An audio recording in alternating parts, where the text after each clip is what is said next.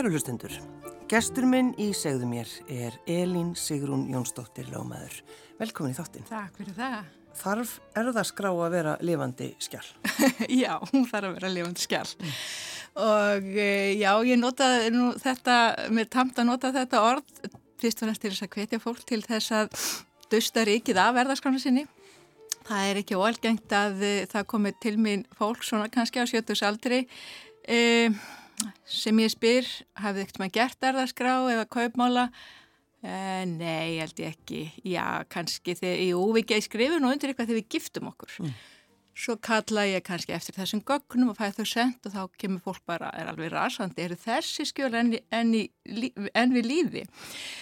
Um, og það er þetta, það er svona e, þegar að það er kannski þetta sem tengist döðanum og hvað verður um þessar eignir okkar sem er svolítið svona, okkur er ekki tamt, við erum ekki að hugsa um þess að hluti alla daga nei, nei. sem betur fyrr, en hérna en ég svona skora á fólk að skoða þessi göksin svona minnst fimm, á fimm ára fresti, Já. það breytist margt í lífin okkar á þeim tíma. En þegar þú varst að lesa lögfræðina, þá það var erðarétturinn, þá þið var svolítið gaman að að læra, læra Já, um ég hef, hef hérna alltaf haft uh, svona fjármál, fjármál fólks, fjármál heimilana hafa alltaf verið mér huglegin og, og hérna ég, það er svona, uh, ég man eftir því að ég man það mjög glögt að, að þegar ég sæti fyrsta tímanum í, í erðarétti hjá Ármanni Snævar þegar hann hérna yðaði í stólum og sagði sko erðarétturinn hann er svo skemmtilegur, hann yðar að lífi. Já. Mér fannst þetta nú svolítið skrítið. En ég, ég, ég hérna upplifið þetta alltaf dag í dag. Mm, Já, já. Um, Sko þegar þú hefur, Elin, þú hefur unnið svo lengi hjá uh, sko útfara þjónustu uh -huh. Er það þannig að verður þetta einhvers konar lífstíl? Því maður, maður sér það að fólk er í þessu starfi svo, svo lengi. Já, það er nefnilega, það er þannig að það er afskapla lítil stafsmannavelta E, það er einstakur hópur sem að e, hefur sem að e, já, það er mér einsla að það er ég væri þar öruglega áfra en þá ef ég hef ekki þurft að fara út veg, vegna mik mikill að miklu mínu vinnustaf mm. mér fannst þetta það er, það er eitthvað alveg einstakt að vera treyst fyrir þjónustu og aðstóða fólk á þessum erfiða tíma mm -hmm. afskaplega gefandi starf Já, já, já en auðvitað erfitt líka. Já, alveg gríðarlega erfitt, en mjög, það er mjög gefandi, það er, þetta er ykkur takklátasta starf sem ég vunnið. Já, já. já. Þegar vel tekst til. Já, en það er sko, þannig er það ekki, þú veist, það ringt í ykkur náttúrulega bara... Já, alla, við, ná, já, bara ofin þjónust allan sólarhingin og, og í því starfi sem ég var í, þar, þar voru við að, að flytja, uh, flytja 50 látna á ári. Eh, erlenda ferðarmenn sem létust þannig að, og, og Íslendingar sem létust erlendist þannig að ég sá um, um, um hérna fluttning mjög margra þannig að það var ringjandi sími frá Einlandi Kína og all, allan sólaringin þannig að þetta var hérna, það var oft, oft strempið, strempin þjónusta. Já, nú um mitt alltaf talað um það, þú veist ef að fólk deyr í útlundum, það er bara Já, það er mikil, mikil vinna sem líkur þar að bækja Já, já. En að því þú nefnir sko mikluna mm uh, mistur að hilsuna? Já, ég verði að segja það. Það var, það var erfið reynsla að, hérna, að þurfa að fara út eftir sex ár. Um, þá var ég orðin þannig að, að, hérna, að ég kannski gæti verið eina viku í vinnunni og var þrjár vikur heima með bergibólgu. Þannig að eh, lagnirinn minn hann skrifaði upp á ótímabundið vottorð sem ég sendi til vinnuveitandar þá sann, Elin, þú hlýtur ekki að funda eitthvað annað að gera. Mm. Þú verður að fara út á þessu húsi. Þannig ég bara gengd honum og ég er mjög þakklátt fyrir að hafa gert það. Ég gerði mér nú eilgjál grein fyrir því fyrir en að ég var hætt hversu, hversu ég var orðin. Mm. Það er nú þannig einmitt, sko, þegar þessi umræða byrjaði um mikluna það var svona fólk evaðist Já, og bara leta eins og fólk sem var að tala um þetta það var bara svona heila Veist, þótti bara fáránlegt. Það gæti ekki verið rétt. Já, það er nákvæmlega, þeir sem ekki hafa verið þar þeir skilja ekki og, og það er bara mikið blessum fyrir þá að hafa ekki og það er svona í þessum fræðin þá er talað um að það séu svona 80-20% sem eru viðkvæm fyrir þessu. Mm -hmm.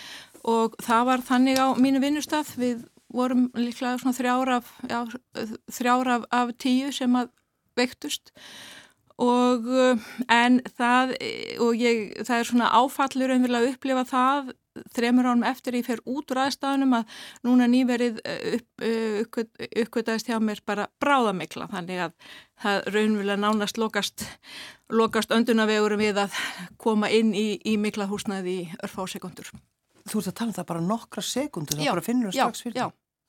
Er það kallað bráðamikla? Já, bráðofnami. Bráð, ég myndi það, bráðofnami. Já, já, og Ó. hérna þannig að, þannig að þetta þannig maður bara verður bara að lifa með þessu eins, eins, eins og hverjum hver öðru sjúkdóm en, en, en þetta er vissulega skerðing og kannski aðalega skerðing á svona ferðarfrelsi mm. og ég upplifi það að hættan við að fara inn á hótelherbyggi það er eiginlega mín mesta hætta í dag.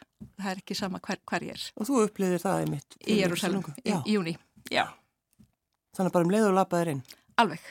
Og hrökklast út og bara hálsinn lokast. Já Þannig að þetta er Bara, þetta er bara döðasalvara Já, og en ég rek þetta til til þess að það er hérna fólk eh, ræðir um þetta í dag, skrítið og svona en ég mm. held að þetta sé hluti bara, hættur afleðingar af eh, af niðurskurði vegna efnaðsfrunnsins það var bara engin peningur settur í viðhald hjá fyrirtækjum á stofnunum Nei. og þetta er það sem við erum að búum við í dag. Já, já, allir skónalli núna já, og, og já, allt já, þetta. Já Þetta er higgalegt. Já, það er það. Þannig að þú getur ekki, þú þarfst að vanda þig þú velur hótel og ímynda, já, veist, og það, svo getur maður ekkert sagt neitt eða nei, gert nei. neitt. Og ég er svo lánsum að hafa fundið skrifstúhúsnaði sem er 80 ára gammalt og helbritt og gott í, í, í Hafnarkvóli og það líður mér dásamlega. Vel byggt. Já, vel byggt já. og góði opnalegi gluggar og þannig að þetta er allt sem skiptir máli. Já, en að því þú hefur alltaf, Elin, þjónað fólki, mm -hmm. þá erum við að tala um það eru það er svo margt sem mann gerist í tengslum við þetta þegar fólk er að já, þegar fólk deyr já. þannig að þetta er, þetta er það sem þú bara pælir í alltaf Já, Hannig. já, ég hérna er umvillega strax eila fyrsta degi þegar ég byrjaði að reyka útfærastofu kirkjugarðana þá opnaði ég lögfræði þjónustu mm. og það var svona norrætni fyrirmynd, þar er lögfræði þjónustu bara hluti af útfæraði þjónustu já.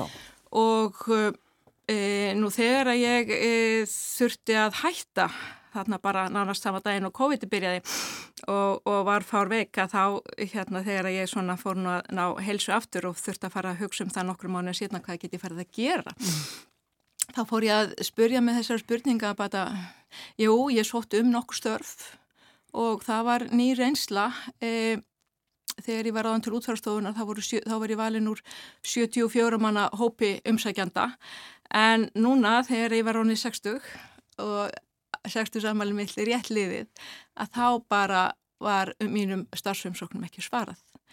Og, og það, ég, þú ert að tala bara um það, það var, já, algjörlega, algjörlega, þannig ég bara hugsaði bara með mér, já, er, semst, þetta er sem sagt svona. Hvernig, ég, hvernig, hvernig leiðir með það? mér fannst þetta, ég eiginlega fattaði það að ég bara trúðis ekki, en ég hafði sótt um ykkur þrá stöður sem ég langaður um vel ekki því, þetta var nú bara til þess að tryggja svona atvinnu öryggi mitt. En hérna, en þegar að ég hefði sendt þrjára umsóknir og þeim var ekki svara þá hugsaði með mér, ég þarf að gera eitthvað til þess að snú, snú upp á þessu aldurs fordóma. Mm -hmm. og ég hugsaði um það strax að mér langaði til þess að þjóna fólki á þriði afiskeiðinu og ég fór í gangutúr ég lærði á sínu tíma markþjálfun og ég ákvaða að fara bara að markþjálfa sjálf mig og spurja mig opinn á spurningar á, þessum, á þessari gönguleið hvað get ég og hvað kann ég og hvað likur ástyrðað mín mm. bara, Er það þessar þrjá spurningar sem já, það ástyrðað? Já, ég spurði með þessara þryggja spurninga ah. og ég man bara hvar ég var að ganga þegar að svarið kom það bara, mér var eins og sínt bara bók og ég kom heim alveg askvaðandi og, og hérna bara skrifaði niður og, og það er algjörlega á þessum klukkutíma göngutúr fekk ég hugmyndina mínu fyrirtæki sem er ekki dag. Mm. og það svarið var í raunverulega það sem hafi gefið mér mest að það var það var uh, ráðgjöf á svið húsnarsmála ég byrjaði, starfaði fyrir eignamilinu tvö ár þegar ég var nýjútskrifuð og uh, fastegna mál allt sem tengist fastegnum hefur mér þótt mjög heitlandi. Ég fylgst vel með fasteignarmarkaðunum og, og hérna allt það. Nú síðan er það fjármál heimilana. Ég hérna stopnaði á sínum tíma ráðgjafastofu um fjármál heimilana. Vitu, hvað hva, þýr það heila? Það var e, stopnun sem var rekin á vegum félagsmáraðansins samstarfi við 28 aðila. Þetta var svona mín hugmynd á sínum mm. tíma. Ég vann fyrir félagsmáraðanetið og þar var endalist verið að skrifa E, reglugerðir og, og skuldbreyta lánum. Alltaf var ríkisjóður með þennan skuldavanda. Þannig að ég svona sá hérna var í samst, hérna, samstarfi vegna þess að ég var svona með húsnæðarsmálinn þar í, í félagsmáraðundinu fekk þessa hugmynd og, og, og fekk heimild Páls Péturssona til þess að setja þessa stopnun á lakirnar sem var fjármál ráðgjafastofn fjármál heimilina, ég stýrði henni fjögur ár og þetta er undanfæri umbúrsmanns skuldara Já. Þannig að þar kynntist ég mjög vel greiðslavanda heimilana og fjármálum og hvers verði það er að hafa fjármálinn sín í lægi. Mm. Og uh, nú það er sem sagt þetta, það er húsnæðarsmálinn, fjármálinn, erðamálinn og lífeyrismálinn. Þannig að ég svona kjarnaði þetta, gerði mig grein fyrir því þetta væru svona þau verkefni, ég hafði svona uh, þjónað mörgum, bara svona fólki í fjölskyldunum minni við að hjálpaðum við að kaupa nýja fastegn sem kannski fólk sem var á eh, hérna 70 aldri var minka við sig. Og mér fannst þetta alveg sérstaklega gefandi ánægilegt mm. og hjálpa fólki að finna, finna nýja egn og fá, fá tröst og öryggi til þess að undirrita samning kannski um fastegn sem ætti að byggja á næst ári og selja fastegna sem þið byggðu fyrir 40 áni síðan, hefði ekkert verið á þessu markaði. Og þetta er það sem ég er að gera nákvæmlega í dag, að fyrirtækjum mitt E, þetta er svo þjónusta sem ég veiti, ég, e, fólk e, ringir í mig sem segir ég þarf að fara að skipta, þá fer ég heim og fer ég gegnum þess að þarfa greiningu, ég sé hvernig mínir viðskiptavinir búa, hver er stílinn og hver er áherslunar og hver er þörfin, er viðkomandi að fara minga við sig eða er, er viðkomandi að fara hjókunaheimili.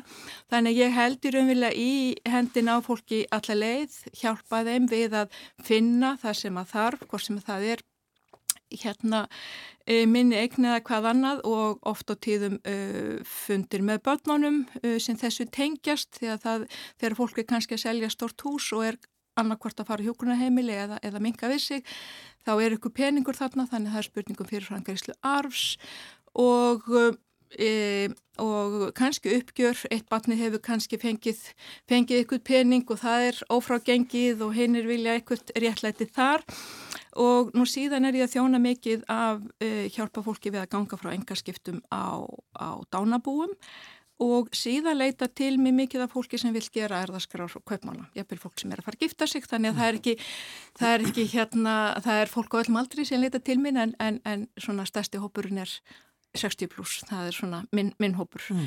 en hérna, en ég er mitt að fara að taka heita fólk á morgun sem er, er að fara að gifta sig og það er afskaplega ánægilegt og það er svona kannski helst þessi hópur fólk sem er að fara að gifta sig í annars gifti að e, eiga kannski eignir úr sikur, sambandi. Já, er fólk í dag svolítið að gera þetta? Já, svona, já, já, það er að gera það, algjörlega. Og líka fólk sem hefur skilið það, það veit e, hversu erfitt það er til dæmis að hafa gengið gegnum það að, að arfurinn sem viðkomandi hefur kannski fengið frá mamma og pappa e, rétt fyrir skilnaðin er hjúskapregn og það þarf að splitta honum upp. Já. Þannig að þessi hópur, hann er mjög áfram um það að ganga frá erðaskrátt til þess að tryggja það að arfurinn sé, sér ekki barnana Já. en ekki, verði ekki hjúskaparegn. Þannig að það er mikil þekking sem fólki, fólk lærir eh, svona hérna í gegn, gegnum lífið og uh, svo er þetta líka, það er mjög mikið af fólki sem hefur verið að ganga frá dánabúskiptum fóreldra sinna sem að tekur ykkur að reynslu þar og vill ekki að sín börn gangi kannski gegn það sama og vill svona huga að sínumálum í en beinu framhaldi. En þetta er svo mikið, það er svo miklar tilfinningar Já. í þessu eilin. Hvernig svona undirbyrðið þig undir slíkt þegar þú veist kannski út að fara inn í eitthvað ormangrefi? Já, það er, það er nú kannski bara fyrst og fremst það að setja með fólki hlusta og, og fræða um, um möguleikana en það er kannski akkurat á þessum stundum sem að ég finn til svo mikil staklætis fyrir já, bæði mentun mína og starfsreynslu og svo bara persónlega reynslu mörg áföllin í lífinu og erfileikar sem að ég hef kannski sjálf gengið í gegnum, þá finn ég og hugsa svona, get hugsa fallega til hvers virði þetta var. Þá bara finn ég að ég er miklu stöndugri og ég veit að það fólk sem til mig leitar, það leita til mér vegna þess að ég hef reynslu þekkingu og ég er ekki þrítu, ég hef ekki taft í þessi vitul að gera sem ég er í alla daga ef ég væri óreind. Þannig að það er afskaplega gott þegar maður upplifir það að svona vinnumarkaðurinn vill ekki eldra fólk en, en hérna ég finn það í dag að fullorðið fólk það vill hitta reynslu mikið fólk uh -huh. og, og það er svo sannarlega í svo mörgum tilvikum að og ég get í raunilegi öllum tilvikum fólk heldur alltaf þegar að það er að ganga í gegnum, það eru kannski samskipta, leysi, ykkur staður eða eitthvað slikt að það heldur að það sé svo eitt um þetta uh mhm. -huh. að fólki finnst gott að upplifa þetta er nú bara yfirleitt svona þetta er allt saman skiljanlegt, þetta er bara allt eftir bókinni, já er það? Já. og það verður ákveðin léttir. Já, það, Þú segir að þetta er ekki neitt. Nei, þetta er ekki neitt, ég verð það mikil verðan þetta. Nei, nei, en þetta er það, þetta er samanleg verkefni sem fólk er að gangi í gegn. Mm. Þannig að þetta er svona hvernig lífið þetta hefur verið og svona það, þín, áhuga, sko, þín áhuga mál eins og með fjármálinn og, og, og eitthvað svona dót mm -hmm. og, svo, og svo bara dauðan Já Já, já, já, það, það, hérna, það tengist allt og kristallast allt í mínu, mínu fyrirtæki í dag já. og hérna og ég ákvaði að láta fyrirtæki mitt heita búum vel vegna þess að því því fæls svona svolítið ákall og skýrskotun til fólks um það að það búi eins vel og það getur hverju sinni mm. og um, það er ekki endilega, endilega það Það er ekki endilega það að búa vel fyrir einstakling sem kannski býr einni í 300 fermetra húsi og kennst ekki upp á næstu hæð. Þannig að ég kem inn í mjög margvíslegar aðstæður og sé að það bú ekki endilega allir vel þó svo að þeir búa í stórum miklum húsum. Mm. Að það er bara aðstæður sem henda enga veginn. En það, þannig að það er, það er þetta svona ákallum að fólk hugsi býi eins vel og ég get miða við mínar aðstæður. Mm. Er það ána með að hafa stopna þetta í fyrirtæki? Ó já, mér finnst það dásamlegt. Ég er alveg, sko, ég er heiminsæl já. og hérna, ég hef aldrei nokkuð tíman verið hafmyggjum sem ég starfi og uh, já, ég er bara, og ég er bara svo þakklátt. Ég á svo stórkostlega viðskiptavinni sem treysta mig fyrir uh, sögunum sínum og, og, og verkefnum og, og það að fá að stiðja fólk og fræða að, og tröstið. Mm. Það er alveg einstakt og ég held að það sé vandfundið, ég hérna mínir reikningar, ég, þeir sko með bregður í alltaf, er, þeir hafa búið að greiða það eftir fimm minútur það er ekkit útistandandi mm. og hérna í því upplifi ég svo mikil takklæti En, en, en að því þú segir sko, ég hef aldrei verið eins hamingu sem ég starfi, mm, mm. þegar þú bara hugsa það Já. að þú hefði kannski átt að gera þetta fyrr Já. eða hvað? Nei, ég segi nú stundum blessu miklan að koma mér, koma mér á þann stað sem ég er á í dag. Nei, ég, hérna, ég gerir það ekki. Mér finnst ymmit, ég gæti ekki verið í mínu starfi í dag nefnum ég hefði allar minna starfsæslu. Mm. Og ég er að, einhvern veginn að, að njóta hennar og kvíla í henni og, og hérna, nei, mér finnst eiginlega að ég sé að púsla öllum brotunum eða öllum svona, öllum mínum þáttum saman og sé að nýta þá með mjög margvíslegum hætti. Og, og eins og, eins og þjónusta það er einstök þjónusta fyrir lögmann að hafa unnið á útvarstofu, hafa búið um lík og, og já, ég lærði nú fyrst sko sjúkralega og 16 ára var ég látin í það að búa um lík. Og ég man eftir ég greitt allar legin heim í strætó því maður er svo rosalegt Var, Varstu 16 ára? 16 ára sjúkralega nemi. og þannig en ég held að starfsreynslan hún púsla svolítið saman en ég finn það í dag því það kemur uh, oft fyrir að ég er kölluð inn á hjúgrunaheimili sjúkrahús uh, eða liknadeild til þess að hitta degjandi einstakling og ég finna að ég er algjörlega órætt að fara inn í þar aðstæður. Mm -hmm. Ég kann að mæta fólki í, í þessum aðstæðum og ég er mjög þakklátt fyrir að geta veitt þessi samtöl já. og uh, já, það, þannig að uh, já, þannig að ég er alveg óskaplega þakklátt fyrir líf mitt og starfshanslið í mm. dag. Mér finnst ég verið að uppskera. En að, sko með erðaskrá finnst fólki óþægilegt að tala um erðarskránu sína? Við, Nei, veistu, bara... það, veistu það, það hefur breyst mjög mikið og ég man eftir því þegar ég var ungu lögmaður 1988 að þá kom, kom í gættina til mín fyrstu hjónir sem að báða með um að gera erðarskrá og þau voru svona afsakandi og sögðu, æ, er þetta nú ekki bara fólk sem gerir svona erðarskrár, svona ríkt fólk í Ameríku í bíómyndunum og Var, og þau voru afsakandi, það er engin eitt afsakandi í dag, þetta er bara eðlu hlutur, fólk er að tryggja það er náttúrulega mjög mikið um hjón í dag sem að eiga samsettar fjölskyldur. Og ef að þessi hjón vilja til dæmis fá að setja óskiptu búi þegar að, þegar að skamlífari, skamlífari maki fellur frá, þá verða þessari einstaklingar að gera erðaskrá. Mm og eins líka ef þú vilt gefa börnunum þínum þá gjöfað arfurinn til þeirra sé þeirra sérek þá þarfstu líka að gera erðaskrán og ef að þú e, vilt rástafa einum þriðja ef þú átt makka og börn og vilt rástafa einum þriðja til góðgerastarðsemi eða, eða einhvers, einhvers af þínum lögarvingjum þá þarfstu líka að gera erðaskrán og allra mikilvægast e, myndi ég nú segja að sé erðaskrán fyrir þá sem hvorki að makkan í börn og það er nú kannski reynsla sem að ég e, eitt fyrsta svona stóra eða stærsta dánabúið, fjörmennasta kannski get ég sagt, er dánabú Frandamins, maður sem var bróður ömmu minnar.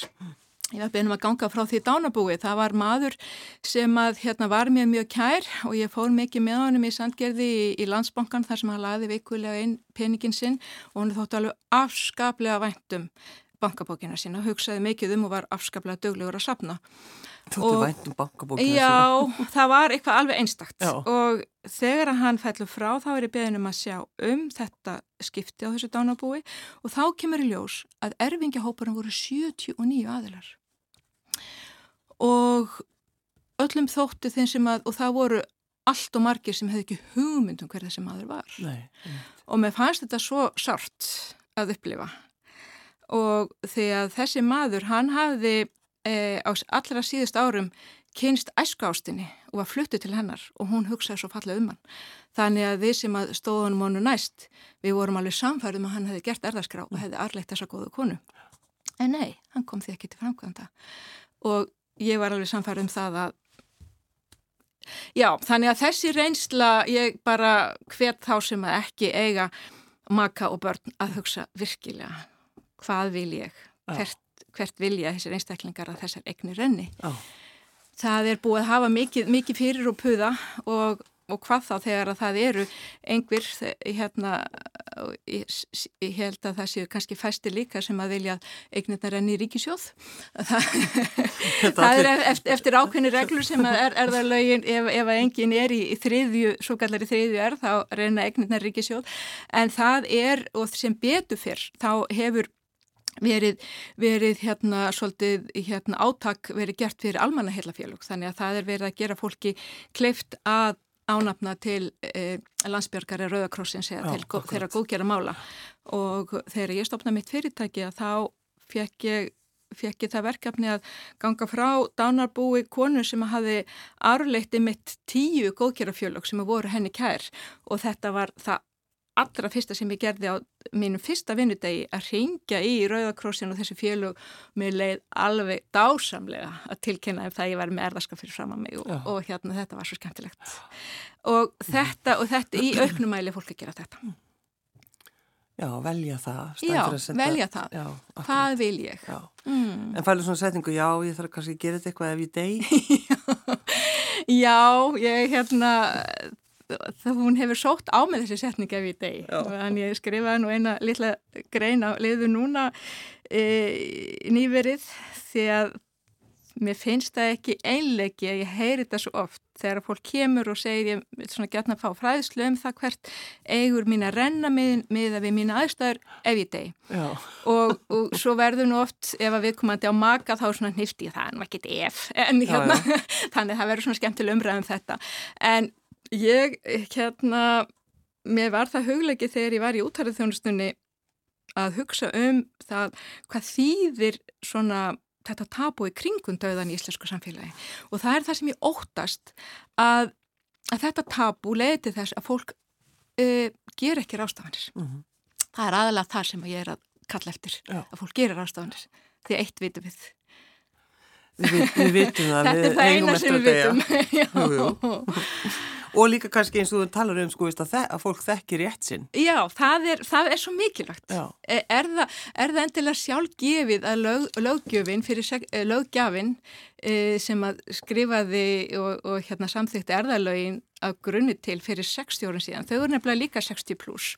Nú, erðalögin? Erðalögin, já. Og hafðu ekkert breyst? Afskaplega lítið og, með, og í ljósi þessara miklu breytingar sem orðið hafa á svona fjölskyldu munsturinn okkar mm -hmm. síðust árin þá er alveg magnað hvað þau hafa staðist tímastönn en það er ekki alveg sjálfgefið að lögjafinn viti e, hvað við viljum helst. Og þess vegna finnst mér það svo mikilvægt og ég brenn fyrir það og er með fræslufundi viða til þess að kynna fólki réttastöðu sína. Hvert er ennaeignirnar, hvað getur þið gert? Getur þið gert ykkur rástafanir og er það svona sem vilt hafa þetta eða hins einn Er þetta að halda fyrirlestur um þetta? Já, ég er mitt í Grafórskirkjunum klukkan eitt. Og, og er, hvað ætlar að tala um þar? Það er alltaf ég að fjalla um það sem ég kalla erðaréttur 101. Já, ok. Svona erðaréttur á svona kannski klukkutíma og þar verða mjög oft líflegar uh, fyrirspurnir og samtal og mér finnst það alveg óskaplega gefandi að hitta fólk. Og það er bara hluti af svona samfélagsþjónustu minns fyrirtækis að, að, að hérna, fræða. Já. Og kemur þú fólki óvart þegar þú ert að segja frá erðaréttinu? Já, svo sannarlega. Mm. Það, er svo, það er svo margir þættir og uh, það, er, það eru svo, það eru alls konar, e, það er alls konar skoðun í gangi sem ekki kannski stend, stendst. Fólk heyrir eitthvað í, í hérna heitapottunum eða kaffestofunni mm. um, um það hvernig hlutinni séu en það er ekki endilega, það passi fyrir þig til dæmis varðandi lífeyrismálinn og, og, og erðamálinn og, og allt þetta, að þetta er svo einstaklisbundið. Fólk segir oft þarf ég eitthvað að gera, en mm. þá skiptir máli hver er þú? Hver í hvaða tengslum er þú? Áttum akku bönn mm. eða ert í óverið setur í óskipti búi. Þannig það skiptir svo miklu máli Já. að skoða það hver er þín staða hva, og hvað vilt þú? Mm.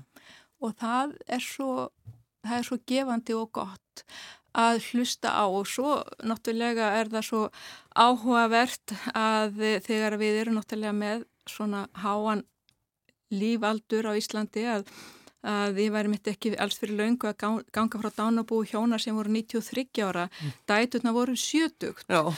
og já, það, það, er, það er, þetta er bara þetta er svo algengt mm -hmm. og fólk um áttrætt, það var einmitt hjá mig kona ekki alls fyrir löngu og hún sagði þegar ég var tvítug þá hérna fekk ég arfu eftir ömmuminn og afa og þetta var til þess að ég gæti menta mig og hún sagði ég ákvað það því ég var tvítug að ég ætlaði ef ég myndi eignast barnabötn að þá ætlaði ég að gera þetta sama mm. þannig hún kom í síðustu viku og gekk frá sín erðaskrá og arleiti barnabötni sín hún sagði bötni mín eða hvort er nóga öllu, Já, en akkurat. ég vil að barnaböndin mín menti sig Já. og ég vil að þetta verði að þau horfi á þetta sem mentunarsjóðum frá ömmu Já. og það er allt þetta, það er allar þessar reynslu sögur og við finnum það í lífinu hvað það er það sem gefur, gerir okkur gott og hvað við viljum gefa áfram, hvað við viljum gefa til barnan okkar mm -hmm. Þetta eru svona sögur sem þú fær bara hverju meins að degja Alveg dásamlega sögur ég fer alveg heim með fangi fullt og hjarta fullt af fallegum sögum En eftir svona erfiðafundi, hvað hva gerur þá Eilin eftir slíka, slíkan dag þegar allt fer í háaloft? Jú, það er nú, það er þegar að átökin eru að þá E, á ég yfirleitt reyni að eiga fund með hverjum einstaklingum fyrir sig uh mhm. -huh. og heyri hvaða er sem skiptir máli og oft á tíðum í þessum svona floknu e, dánabúsmálum þar sem að e, það eru eiginlega einu svona ágrinningsmálin sem ég er með ég forðast yfirleitt allan ágrinning en hérna en það er oft á tíðum kannski eldgammal sásviki mamma held svo mikið upp á þennan eða pappi var svo góð við þennan og þessi fekk alltaf allt og þessi var, hefur alltaf verið frekið dollan. Mm. og það er bara, það eru margar sögur sem maður hlustar á og, og reynir að sjá lengra og reynir að horfa fram yfir þessa þröskulda og reynir að fá fjölskylduna til þess að horfa sameila á bara lausnina. Ég bæði að velja lag það er svona svolítið, já, persónlegt. já, það, það er, sko, þegar þú spurðir, þá var bara eitt lag sem kom upp í, upp í huga minn og það er e, pallega lagi sem hún, hérna, Anna Pálina söng svo dásanlega lífinu ég þakka mm -hmm.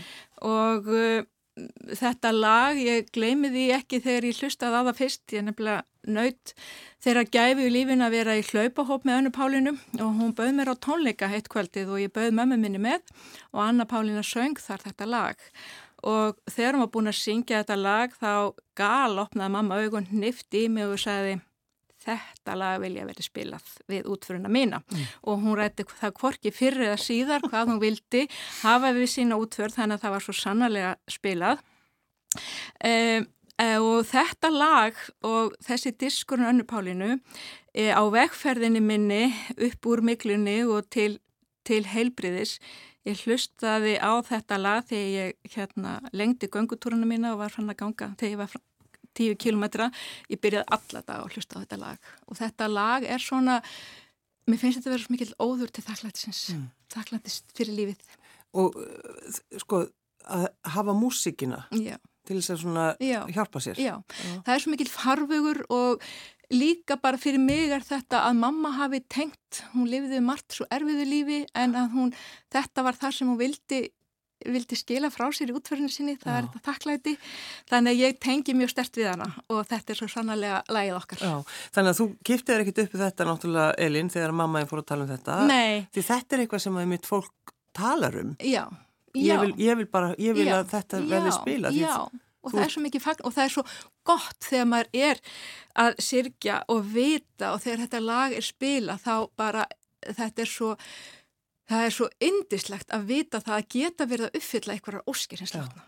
Já, svo líka hinn látni kannski þá er hann uh, búin að ákveða það að ég er með skilabóð. Já, já, já, já, já algjörlega. Tónlistina. Já, og það, þegar, þegar þetta er, er yfirleitt svona merkingabær texti. Mm. Það er þetta þakklæti fyrir lífið. Já.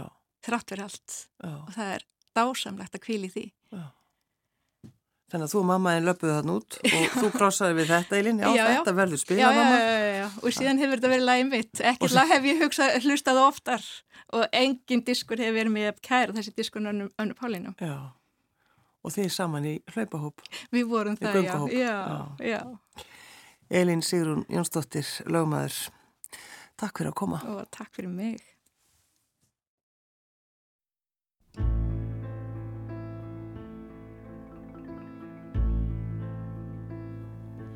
Lífinu ég þakka það sem mér er gefið þessi opnu margt þau greina svart frá hinnu hvita sem og ljós í myrkri og hundruð stjarnar sem í heiminn kvolvi tindra.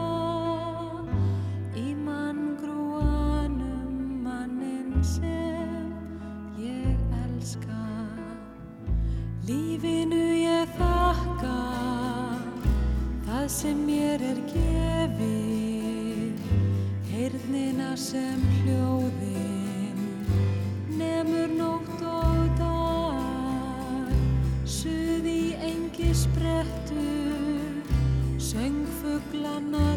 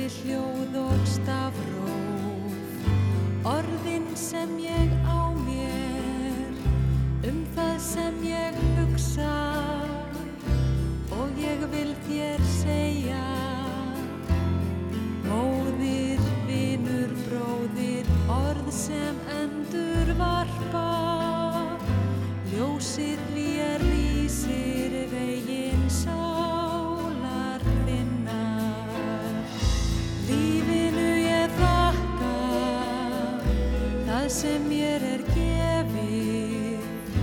Þessa lúa